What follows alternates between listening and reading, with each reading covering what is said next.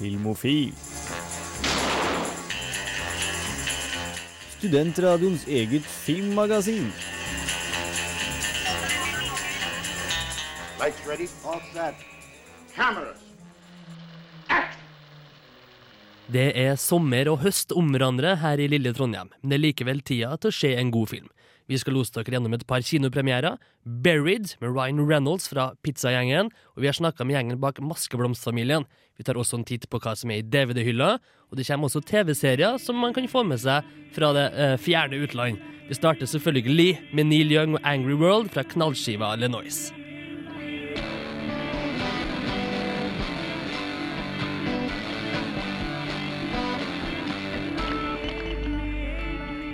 Du hører på Filmofil. Eh, Vi skal snart ta tak i kinopremierene, Buried og Maskeblomstfamilien, men først så har vi filmnyheter. Sigurd Vik og Jens Erik Våler, snakk til meg. Jo, vi kan starte eh, på videofronten. Iron Man 2, høstens storfilm fra Paramount, hadde videopremiere i USA forrige uke. Solgte dette 1,2 millioner disker første dagen. Men nyheten her er ikke at den solgte så mye, det er at den solgte mer Blu-ray enn DVD. For første gang i historien så har en av de såkalte storfilmene solgt mer på Blu-ray-disk enn på DVD, og det er 52 da i favør Blu-ray. Nytt format, se opp, folkens! Det her kan bli stort! Vi skal for øvrig høre mer om Iron Man 2 senere i sendinga. Da blir den anmeldt som videopremiere her i Filmofil. Men Jens Erik, du har mer nyheter. Det har jeg, og vi tar et totalt sporskifte fra Ironman til Beach Boys. For nå kommer det en musikalfilm basert på Beach Boys musikk à la Mamma Mia og Across the Universe. Og eh, hvorvidt eh, dette blir en suksess, det vet vi jo ennå ikke. Mamma Mia var jo som kjent basert på en eh, allerede godt eh, anerkjent musikal, men dette blir en original historie basert rundt Beach Boys musikk. Så den som lever, får se hva som skjer. Vi skal flytte oss både musikalsk og ikke minst filmatisk over til en gamle kjenning fra rockens verden, nemlig Guns N' Roses-gitarist Slash. Han har nå laga sitt eget horrorfilmproduksjonsselskap. Hva skal selskapet het? Slasher Film, selvsagt. Den gamle rockegitaristen med krøllete hår og flosshatt skal da produsere horrorfilm til oss. Han har fått med seg folkene bak Queer Eye for the Straight Guy, eh, amerikanske versjonen av Homsepatruljen. Ja, riktig. Ja. Og det er, kan jo gå ganske drøyt. Den første filmen skal hete Nothing to Fear. Og den handler om en familie som flytter til Kansas, der det ligger something eh, buried underneath, som da er noe killer demons og noe greier og greier. Så det blir artig. Men Slash kan i hvert fall sin rock. Og vi kan jo unne oss litt eh, gammel Gunsen her i Filmofil. Her er Welcome to the Jungle.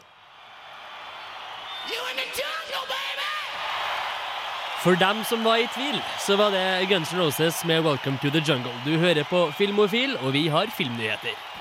Hei, jeg er eh, Agnes Kittelsen, Og jeg er Aksel Henning, og det er viktig at uh, dere hører på Filmofil. filmofil. Jens Erik Våler, filmnyhet meg. Det skal jeg gjøre. Eh, Det er nå offisielt at Peter Jackson skal ha regi på Hobbiten. Vi lar ikke denne hesten hvile. Den skal ris til den dør. Eh, Sakte, men sikkert beveger vi oss framover. Filmen har nå blitt eh, budsjettert til en todelt uh, produksjon som skal koste 500 millioner dollar. Her må jeg skyte inn for den tilfeldige lytter at det er mye penger. Det det er veldig mye penger. Og det er også veldig mye penger for MGM, som sitter på pengene, for de holder faktisk på å gå konkurs. Oi. Så hvis eh, faktisk Hobbiten ikke blir noe av etter at de har spytta så mye penger inn, så kan det være at eh, James Bond-franchisen går til et annet eh, studio. Eh, men eh, MGM gjør selvfølgelig det de kan for å tyne så mye penger ut av kinopublikum som overhodet mulig. For Hobbiten skal filmes i 3D. Var noen overrasket? absolutt ikke. Absolutt ikke. Så dette blir litt make or break, som det heter for det gamle Det virker sånn, ja. En ny Heaven's Gate eller ny Ringenes herre, spør jeg. Vi lar den ligge åpen. Yes. Uh, videre skal vi til et annet stort filmprosjekt, nemlig Supermann, som vi snakket om forrige uke. Og nå har filmen endelig funnet sin regissør. Det er ingen ringere enn Zack Snyder, kjent fra annet 300 og Watchmen. Og eh, jeg har trua på at dette kan funke, med manus av David S. Goyer, som blant annet skrev Blade-filmene, og som har sagt at han skal uh, sette Supermann i en litt mer moderne setting, men som allikevel beholder essensen til Supermann-karakteren. Eh, I tillegg så har det blitt meldt om at skurken i filmen er ingen ringere enn General Zod, som uh, for de som ikke vet er en stormannsgal kryptonianer. Han er altså fra samme planet som Supermann. Så uh, forvent mye slåssing og mye flying i tradisjonell Zack Sider slow-mo i den oppkommende Supermann-filmen. En eh, nyhet som ikke omtaler filmer som kommer, men filmer som har kommet for ganske lenge siden. Vi skal tilbake til 1926, faktisk, og filmen Metropolis, som er laga av Fritz Lang. Den kommer nå i en aldeles ny, flott, fantastisk, surrealistisk bra utgave, ifølge dem som kjenner seg på sånt. Og den første kinoen i Norge som får vise det, er Trondheim kino. Det er Cinemateket i Trondheim som skal vise denne lille godbiten, eller en filmhistorisk perle, om du vil. Det vil skje på tirsdag og onsdag i neste uke på Nova kinosenter. Eh, Metropolis er da en eh, sci-fi-film fra 1926 som foregår i 2026, der overklassen bor i skyene, arbeiderne bor under jorda, og ja, i det hele tatt spennende. Så dem som vil ha med seg litt god, gammel futuristisk film, Cinemateket i Trondheim neste uke. Det er et meget godt tips. Vi skal snart ta for oss kinopremierene, og vi ser nærmere på Buried og Maskeblomstfamilien. Først er det svenske Dungen. Merken lå stille. Jens Erik Våler han har vært og sett Buried. Det er en spenningsfilm med et interessant premiss og en spennende utførelse.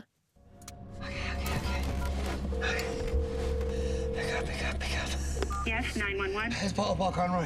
You have to help me. You have to help me. I can't breathe. Okay, Mr. Conroy. Can you tell me your? Å bli levende begravd er en skjebne jeg ikke vil unne særlig mange, men paradoksalt nok ser jeg det gjerne på film.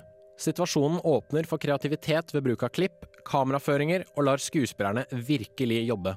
Dette gjør Bird interessant fordi den sender oss seks fot under og holder oss fanget i halvannen time. Yes, I'm from Hastings, Michigan. I'm a driver for CRT. My convoy was ambushed. I'm buried in a coffin in the ground, and I need help. Please send help. I'm begging you. How did you end up in the coffin, sir? I was put here. Lastebilsjåføren Paul Conroy våkner levende begravd i en trekiste uten en anelse om hvordan eller hvorfor han havnet der. På seg har han en lighter, en kniv og en mobiltelefon. Sakte, men sikkert finner Paul ut av situasjonen og hva som må til for å få han ut. Men Paul har begrenset med luft, lighteren har begrenset med bensin, og telefonen har begrenset med batteri.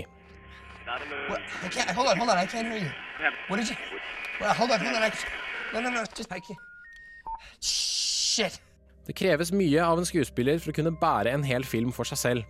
Du trenger også en regissør med skikkelige baller for å gi en såpass dramatisk og tung rolle til en fyr primært kjent fra komedier. Kamera flytter seg knapt en tomme utenfor Pauls trekiste, hvilket betyr at Ryan Reynolds stort sett må bære hele filmen alene. No, no, no. No, no, no, no, no, no. Leave you, mate. Please, no, don't, don't, don't, don't hurt her. Don't hurt her. Let her go. You no make video. No, no, no, don't shoot her. You shoot. get money. Don't shoot. America million. I will, I will. I promise. I promise. Please, she's a mother. She has two kids. Two kids? Yes, she has two I kids. have five now, only one. You Wait, make video wait, now. wait, wait, wait. Og det klarer han.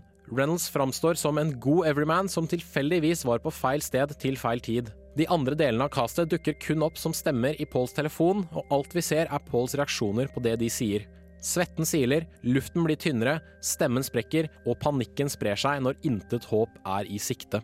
Filmen drukner dessverre i budskapet den ønsker å formidle. Det jeg trodde ville bli en Hitchcock-aktig konspirasjonstriller, handlet til slutt om USAs invasjon av Irak, hvordan gisler blir behandlet, og at desperate tider noen ganger krever desperate metoder. Time,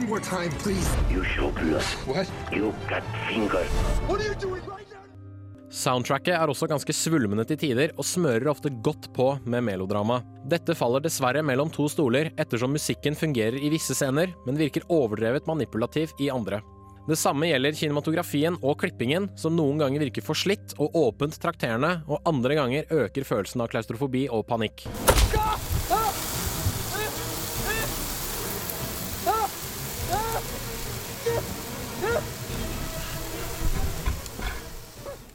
Historien tar allikevel noen veldig interessante vendinger, og flere scener hadde meg på kanten av stolen i spenning. Buried er et solid stykke spenningsdrama som tar i bruk grep jeg både liker og ikke liker. Terningkast fire. Yeah!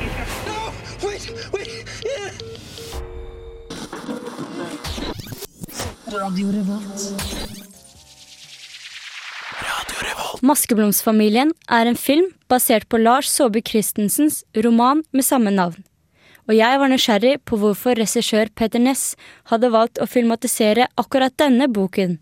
Jeg jobbet med Lars Saabye Christensen på et teater i Oslo. Jeg satte opp et teaterstykke han hadde skrevet. Og det var samtidig som boken kom ut, så nærmest av høflighet så, så fikk jeg et eksemplar av den og leste den og ble slått helt i bakken av eh, hele universet, av karakterene, av hemmeligheten, eh, svarte humoren, sårbarheten og, og ikke minst kraften til hovedpersonen Adrian.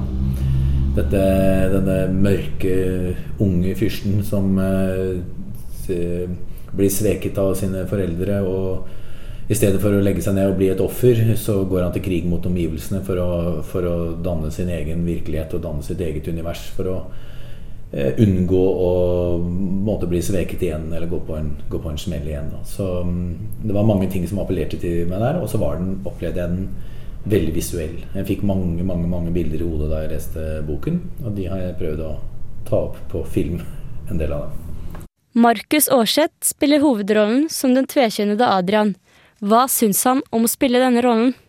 Spillerollen, det var veldig, det var veldig det var morsomt og lærerikt. Eh, samtidig som det var dystert. Og det var jo Adrian i to måneder.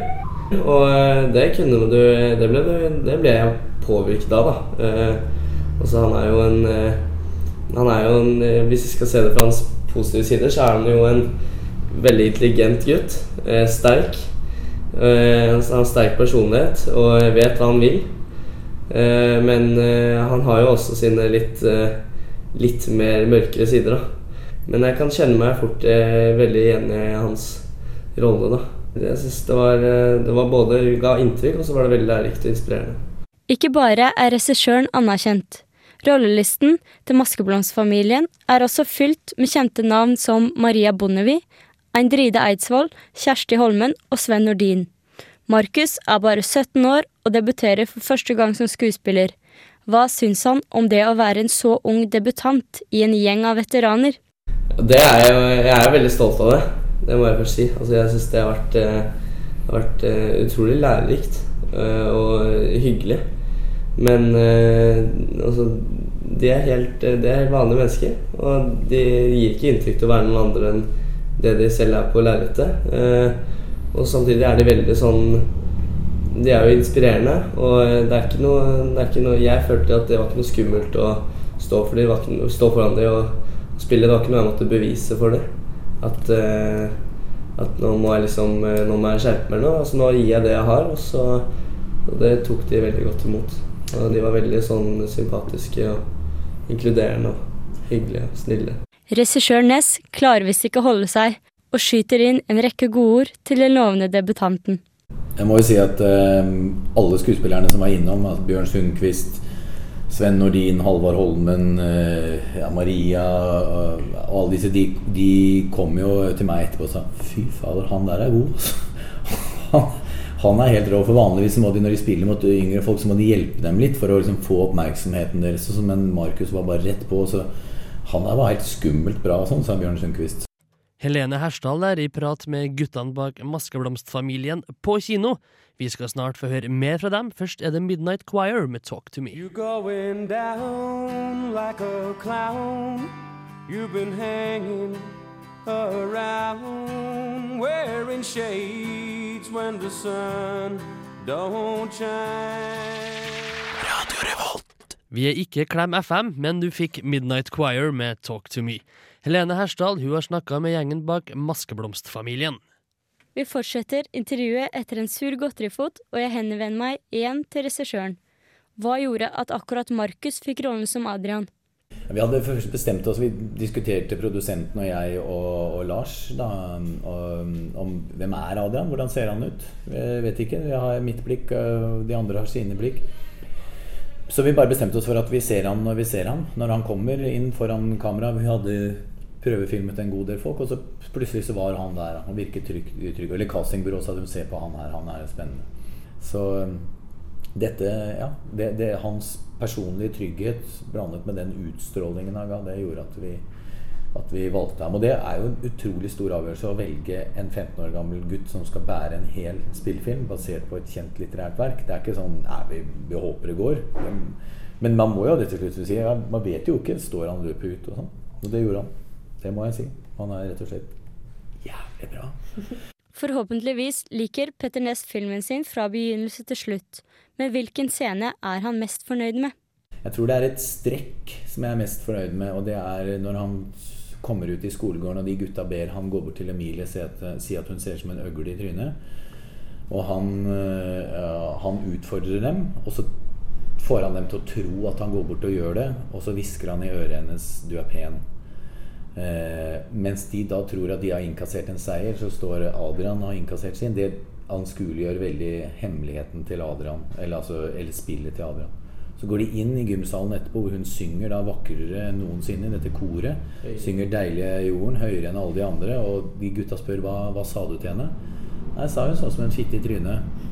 Og så sa jeg at du ville pule henne, sier han til han fyren. Og da løper jo de etter han og straffer Adrian. Så han lurer dem, han hjelper Emilie, og så tar han straffen etterpå. Eh, hele, hele straffen. Det strekket syns jeg har Mm. eh, intensitet, det har et øyeblikk av humor i seg, og det har en nådeløs konsekvens. Så det, det strekket er jeg veldig fornøyd med. Det må jeg si. Tiden begynner å renne fra oss, og jeg lar siste spørsmål gå til Petter. Hvorfor skal folk egentlig se filmen 'Maskeblomstfamilien'? Fordi jeg, jeg tror det er en ganske storslagen og intens filmopplevelse.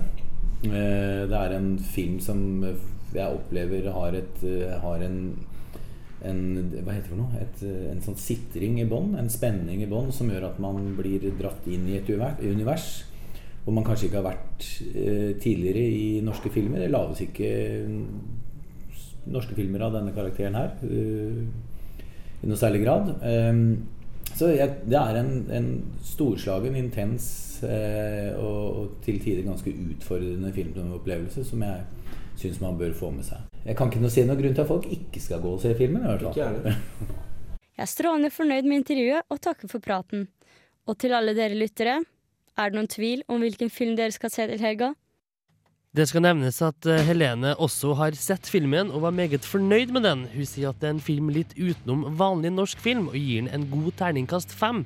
Hun har dessverre ikke anledning til å være her i dag, så den praten tar vi neste uke. Så dem som vil høre mer om Maskeblomstfamilien, da er det bare å fortsette å høre på Filmofil i tida framover. Her er Ocean Size med Part Cardiac. Trønderbandet 22 der med låta Flux fra plata med samme navn. Hvis jeg ikke tar feil, vi har kommet til en del av Filmofil som vi kaller ukas filmlåt på Filmofil.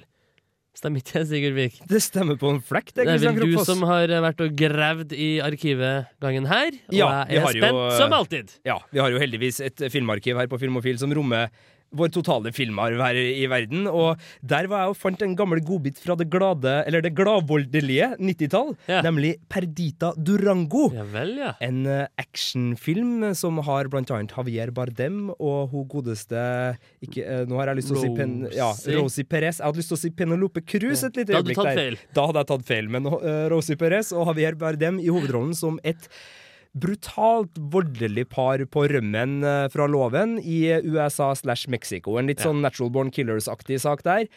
Eh, Det er så mye vold i den at det, det nytter ikke å begynne å ramse opp eh, det groteske, men det er snakk om å ete mennesker, det er snakk om å kidnappe tenåringer og ha seg med dem. Screaming Jay Hawkins, eh, veldig flott artist, artist, er med som en slags voodoo-prest som eh, hjelper til på meksikansk side, mens Lovens lange arm spilles av James Gandolfini, også kjent fra den der, eh, hva var den het igjen, den serien? Sopraninos. Det var Sopraninos der, ja. Det stemmer. Stemmer det at du liker Perdita Durango, du? Ja, jeg gjør det. Den, den er på en måte en sånn fullbyrdelse av den der eh, Tarantino-90-tallsgreia, der uh, vold fikk en, en ny oppsving. Det var ikke den der dumme actionhelten, det var en, på en måte en sånn smart vold. Eller i hvert fall så trodde vi at vi var smart når vi likte den volden på 90-tallet, for da kunne vi på en måte distansere oss fra den mer dumme 80-talls actionvolden.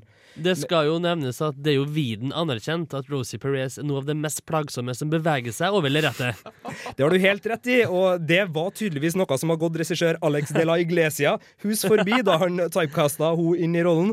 Men nei, Rosie Perez eh, er irriterende, og i likhet med en annen irriterende rolle hun gjorde på den tida, White Man Can't Jump, sammen med Woody Harrelson. Utrolig godt poeng. Ja, men man aksepterer det, fordi at det var bare en av de tingene som var plagsom på 90-tallet. Jeg syns kanskje det var en bedre film, faktisk. Ja, Det kan være. Vi skal likevel høre eh, musikk, for på slutten av denne filmen, ganske utmatta etter voldsorgien, så går Rosie Perez på et kjøpesenter i USA. Typen av døva Oi, avslørt slutten. Ja, jeg sa det. Typen av Spoilers. døva. Og hun er skikkelig utmatta, hun er alene. Og sk nevnte Screaming Jay Hawkins, den fantastiske artisten, han har da en liten uh, beat på soundtracket med låta I'm Lonely, som bare passer utmerket godt til det her. Det er neonlys, det er kjøpesenter, det er trasig. Rosie Perez går dekka i blod, så vidt jeg husker. Mulig jeg overdriver, mulig jeg overdriver, Ja. men trasig er det i hvert fall. Skal vi høre på den, eller? Kjempebra! I'm lonely, altså. Dette er ukas filmlåt her på Filmofil.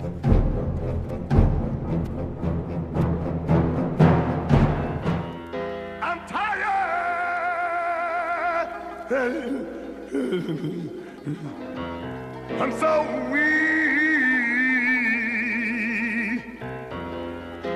And I'm lonely.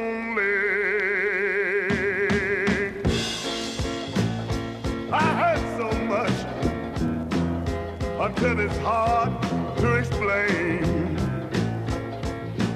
I can't trust love because it won't stay the same. Wow!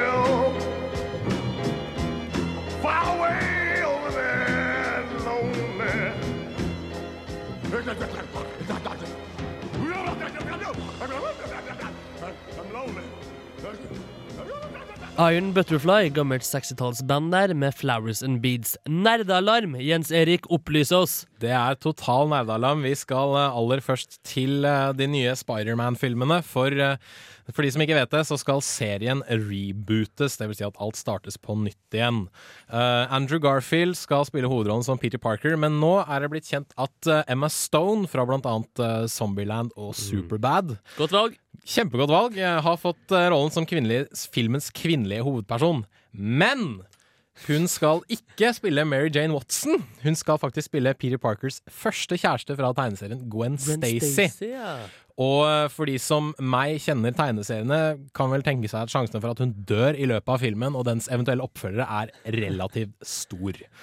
uh, flere tegneserier fra Marvel. Uh, Ghost Rider-lisensen går snart tilbake til Marvel, så Sony kjapper seg nå med arbeidet på Ghost Rider 2.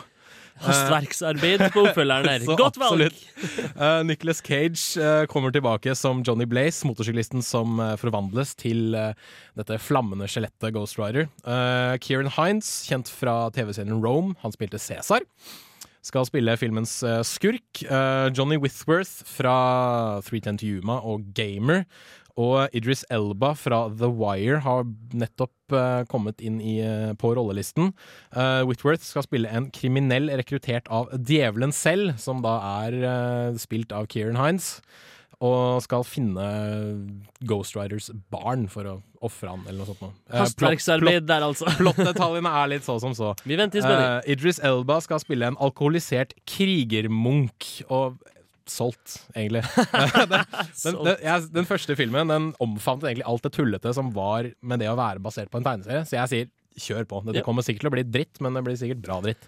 Det er, det er veldig lov, det, faktisk. Mer tegneserienyheter i eh, DC-universet, denne gangen på TV-skjermen, for en filmadaptasjon av Wonder Woman har vært diskutert, planlagt, skrevet, forkastet, skrevet igjen, og så forkastet på nytt. Uh, ifølge Deadline skal nå David E. Kelly, det er han som sto bak The Practice, og ikke minst Ally McBeal, skal skrive og produsere en TV-serie for Warner Brothers basert på Wonder Woman. Eh, og Warner Brothers sier at en Wonder Woman-film fortsatt er planlagt, men hvorvidt noe blir annonsert, det vet man jo ikke.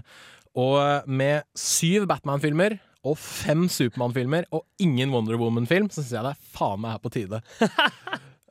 Du, her får du høre det. Bra, Jens Erik. Stå på. Uh, over til dataspillverden. Uh, det har blitt pustet nytt liv inn i en potensiell Halo-film. Etter at dataspillet Halo Reach solgte for 200 millioner dollar første salgsdag. Eh, Dreamworks gjør det de kan for å få tak i rettighetene til å produsere Halo-filmen. Eh, et prosjekt som har ligget dødt i flere år, men Microsoft er villige til å lage en film ut av deres mest populære spillserie. Og eh, en deal med Dreamworks betyr jo egentlig én ting, og det er at Steven Spielberg mest sannsynlig blir involvert. Han vil nok få kloa i det der hvis det er penger å tjene. Oh yes, Potensiell hit. Godt mulig. Ja. Eh, videre til Transformers 3. Ja, det kommer en treer. Den skal hete Transformers The Dark of the Moon, ifølge nettstedet cybertron.com. Og uh, tidligere i uka så ble det avslørt at den uh, innspillingen foregikk annet på romfergen Discovery på Kennedy Space Center. Og uh, Shia LaBeouf, som spiller eh, ene hovedrollen, lover at filmen ikke kommer til å suge, slik som toeren gjorde. Men jeg er fortsatt litt i tvil, for filmen skal i tillegg spilles inn i 3D. Og jeg tar, jeg tar ingenting Shia- Shiat LeBøff sier for god fisk, altså. Enig. Og aller sist så skal vi til Timur Bekmambetov, den russiske regissøren bak f.eks. Nightwatch og Wanted. Han skal ha regi på Abraham Lincoln Vampire Hunter. Basert på boka med samme navn. Eh, Det har vært en ganske stor eh, pengekrig fram og tilbake om hvilket studio som skal eie rettighetene, og det ble til slutt Fox som eh, vant. Tim Burton skal produsere, og tittelen alene gjør meg spent på prosjektet. Du har fått nerdealarm med Jens Erik Woller. Her er The Radio Department med New Improved Hypocrisy. Etterpå så blir det litt DVD-titt. Okay, give me a smooch for good luck. I might not make it back. I Iron Man 2 returnerer Robert Downey jr. til kinolerretet som våpenmilliardæren Tony Stark, aka Iron Man. Oh. For tilhengere av den første filmen er nok oppfølgeren akkurat det de har venta på. For alle oss andre er det litt over middels Hollywood-action. Greit å se på om man ikke har annet å ta seg til på lørdagskvelden. Iron Man 2 starter der originalen fra 2008 slutta. Den narsissistiske og styrtrike oppfinneren Tony Stark har avslørt sin identitet for offentligheten og lever det gode liv som verdens kjekkeste, tøffeste og eneste jernmann. Men sjøl verdens mektigste mann har problemer.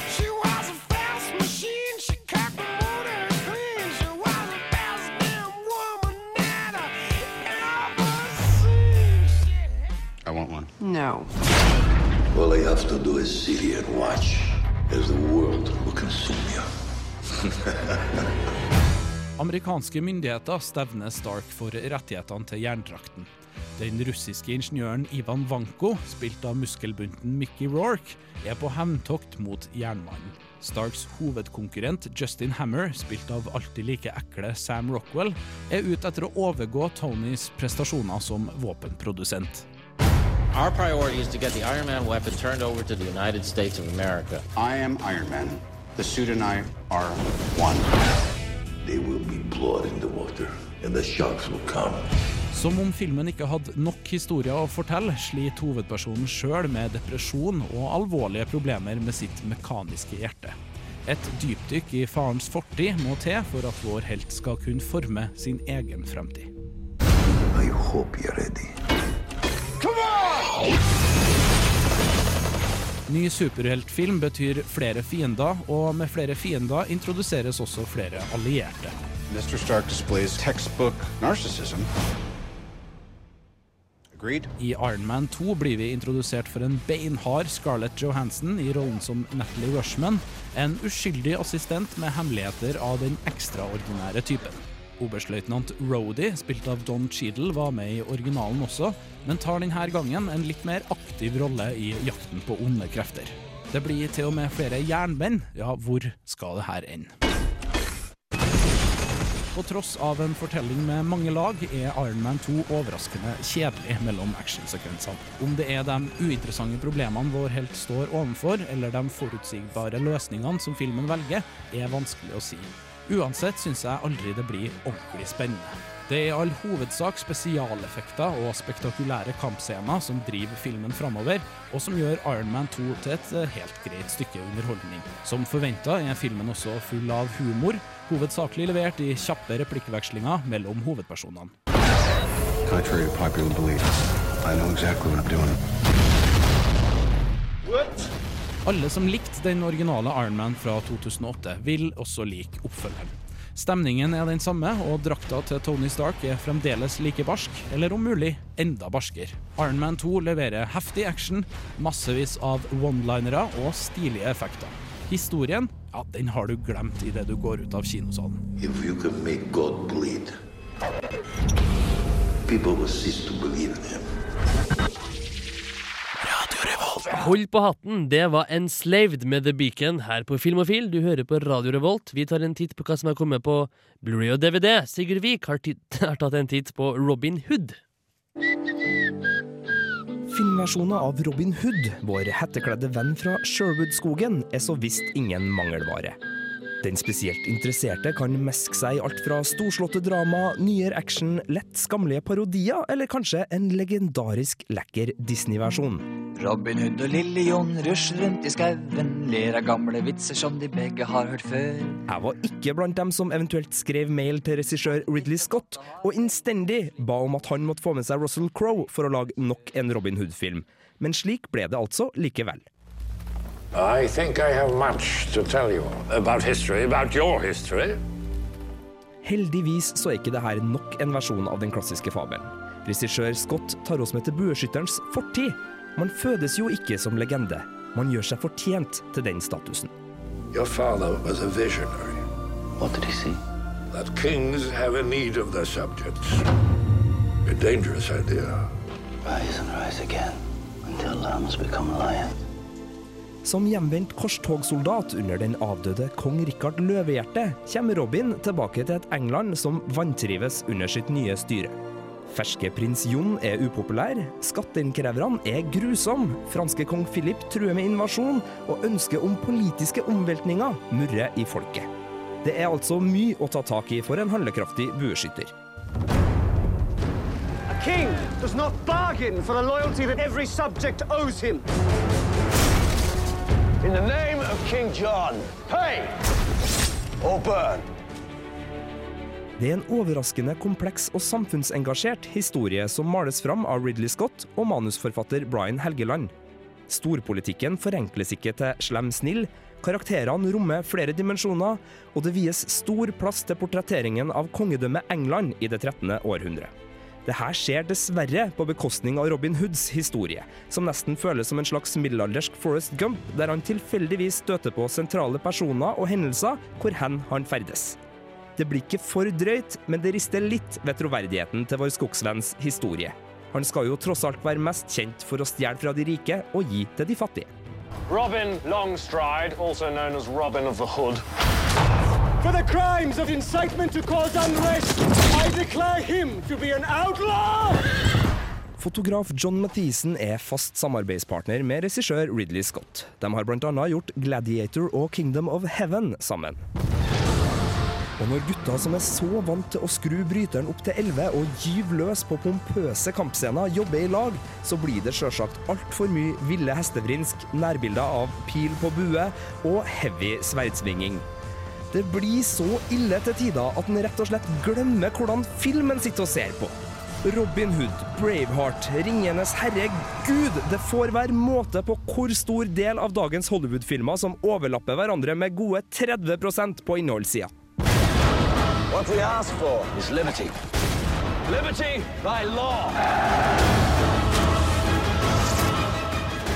Likevel en frisk historie og kvalitet i de fleste ledd. Musikk og skuespillerprestasjoner blir dessverre ofte drygt svulstig i en slik historisk storfilm. Om Russell Crowe gjør en bedre Robin Hood enn Kevin Costner, er jaggu ikke godt å si, men vi slapp i hvert fall Bryan Adams denne gangen. You know. Terningkast fire.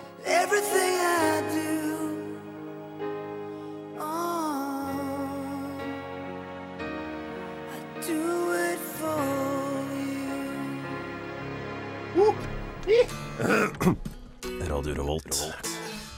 Uh, kultfilm uh, vil jeg starte med å si. I påvente av Tommy Wiseaus nyeste film The House That Drips Blood On Alex har Jens Erik tatt en eh, titt på Wiseaus første film, The Room. Her er en film som er vanskelig å beskrive med ord. Den er fantastisk, og den er grusom.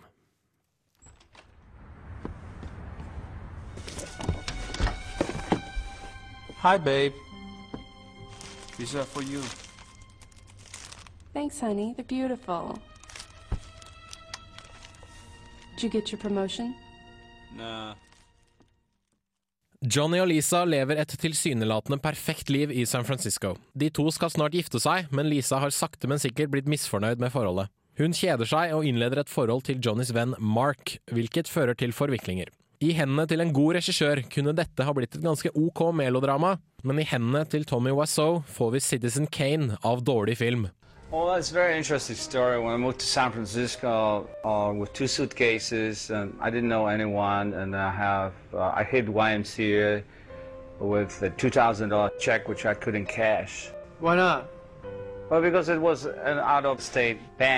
Anyway, Det er vanskelig å forklare nettopp hvor dårlig The Room egentlig er. Dette er en film som må ses for virkelig å tros. Du har sikkert hørt uttrykket 'så dårlig at det er bra', en beskrivelse som passer perfekt for Wassous epos. Her får du alt fra dårlig manus, total mangel på kontinuitet, hull i plottet store nok til å kjøre en buss gjennom, og skuespillerprestasjoner flatere enn et A4-ark. Slå dette sammen med mye improvisert fotballkasting, fem minutter lange sexscener og en protagonist som ser ut som en mørbanka flatbiff, og du får en surrealistisk filmopplevelse ulikt noe annet.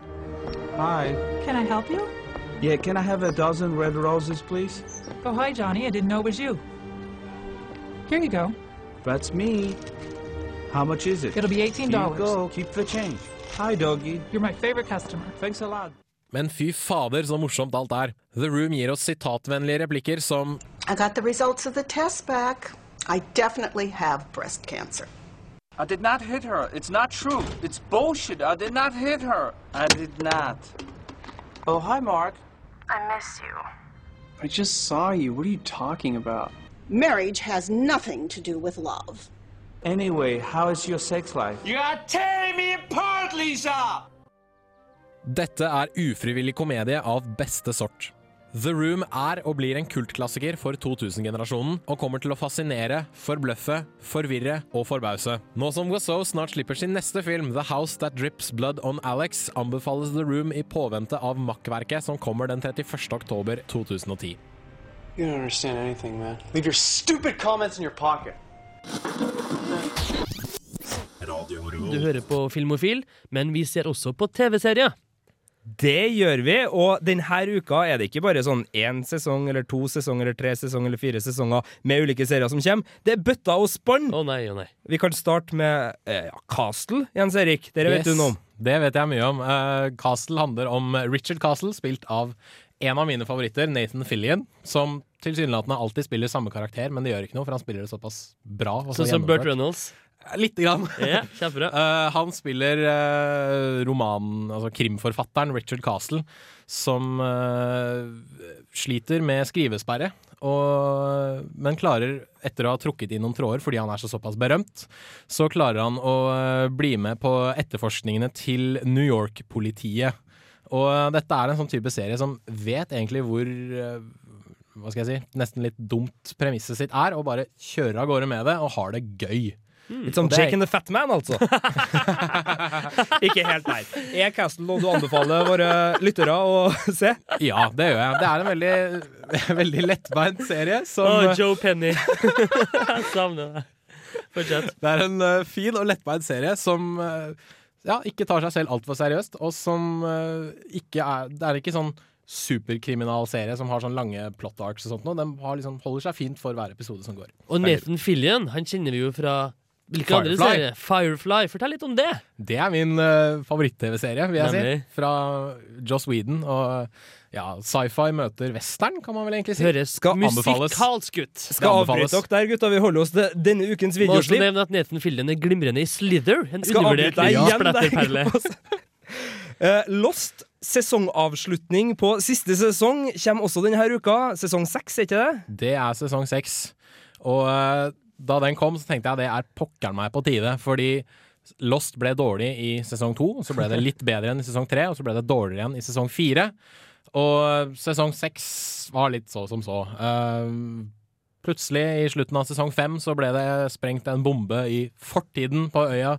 Og så våkner alle folka igjen på et fly, og så er de kanskje ikke på et fly, men de er fortsatt på øya. Og så ja, det er veldig komplisert, men eh, det er i hvert fall en helt grei avslutning på eh, hele serien, og du får faktisk en god del forklart om hva som foregår på øya, og endelig får vi, får vi liksom veldig mye tråder som har blitt sluppet i løpet av de siste sesongene, nøsta opp, og det Mm. var jeg veldig takknemlig for. Så hvis man har sett sesong 1 til 5, så kan det anbefales også å se sesong 6. Da kan man anbefale sesong 6. Hvis du ikke har sett sesong 1 til 5, se sesong 1 til 5, og så ser du sesong 6.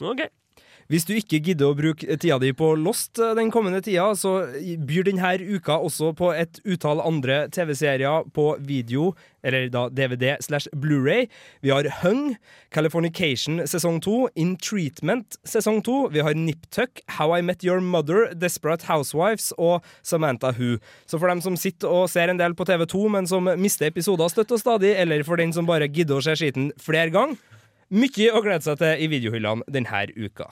Robert Plant synger Angel Dance. Snart skal vi ta en liten titt på South Park, for de guttene de gir seg aldri. Angel Dance med Robert Plant, den gamle ringreven vi alle husker fra f.eks.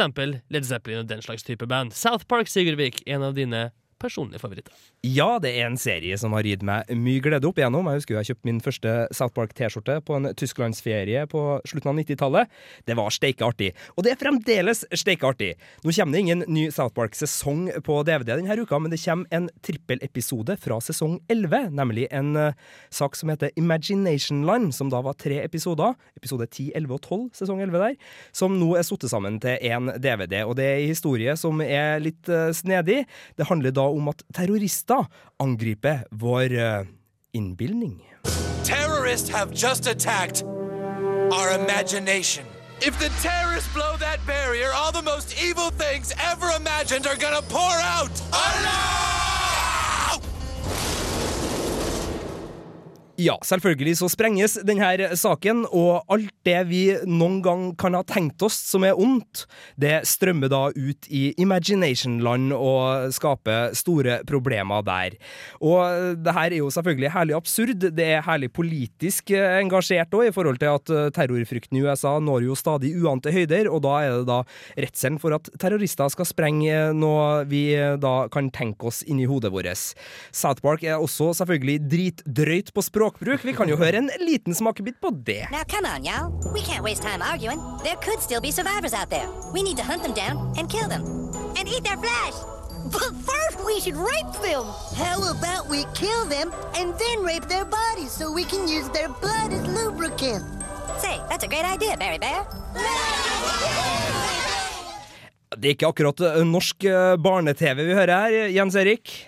Nei, det er de såkalte Woodland Critter Christmas Nei, Woodland Critters, som er små, søte ekorn, bjørner, pinnsvin og, og så videre, som tilber Satan. Ja. Det skal også nevnes at senere i denne episoden så gjør de samme dyrene det at de ønsker å fjerne øyet til ei lita jente og pisse i øyesokkelen hennes. Eller vent litt, først så gir vi henne hiv, og så pisser vi i øyesokkelen hennes. Det er forholdsvis drøyt, men det er herlig uskyldig, det er kjempeartig i South Park, og selvfølgelig, hva skal reaksjonen være når noen truer med å blow up our imagination? Jo, we retaliate. Sir, are you sure about this? We have no choice. Terrorists have attacked us where we are most vulnerable. There's no other option. We have to nuke our imagination. Cinnamon Girl, en klassisk rockelåt fra Neil Young-skiva Everybody Knows This Is Nowhere. Terningkast seks absolutt her i Filmofil. Fantastisk kul. Der har du den, vet du. Eh, vi nærmer oss slutten her, men sakene våre og lignende kan man både lese og høre på internett. Ja, hvis du går på radiorevolt.no slash filmofil, så finner du både kinoanmeldelsene våre, videoanmeldelsene våre, pluss litt godt filmstoff. Det skal også nevnes at vi legger ut podkast av denne sendinga, så hvis det er noe du har lyst til å høre igjen, eller mot formodning gikk glipp av noe viktig, så er det bare å gå på radiorevolt.no og høre den. Ja, vært, eh, ja fortsett. Det kan jo også nevnes at eh, vi er på Facebook. Ja. Og da legger vi forhåpentligvis eh, linker ut til ting der. Det er et veldig godt tips. Det er mange som er på Facebook, har jeg fått beskjed om. Det er visst så populært at det til og med skal lages film om Facebook, som vi skal komme tilbake til Det har blitt lagd film om Facebook. Men vi tar det senere, gutta. Vi er ferdig for i dag. Takk til Jens Erik Våler, Sigurd Vik, Jonas Kirkhus bak spakene, også Sverre Torp Solberg og Helene Hersdal. Sjøl heter jeg Kristian Krokfoss, og vi avslutter med nok en gammel ringrev. Nick Cave med kompiser, Grinderman, Mickey Mouse and the Goodbye Man.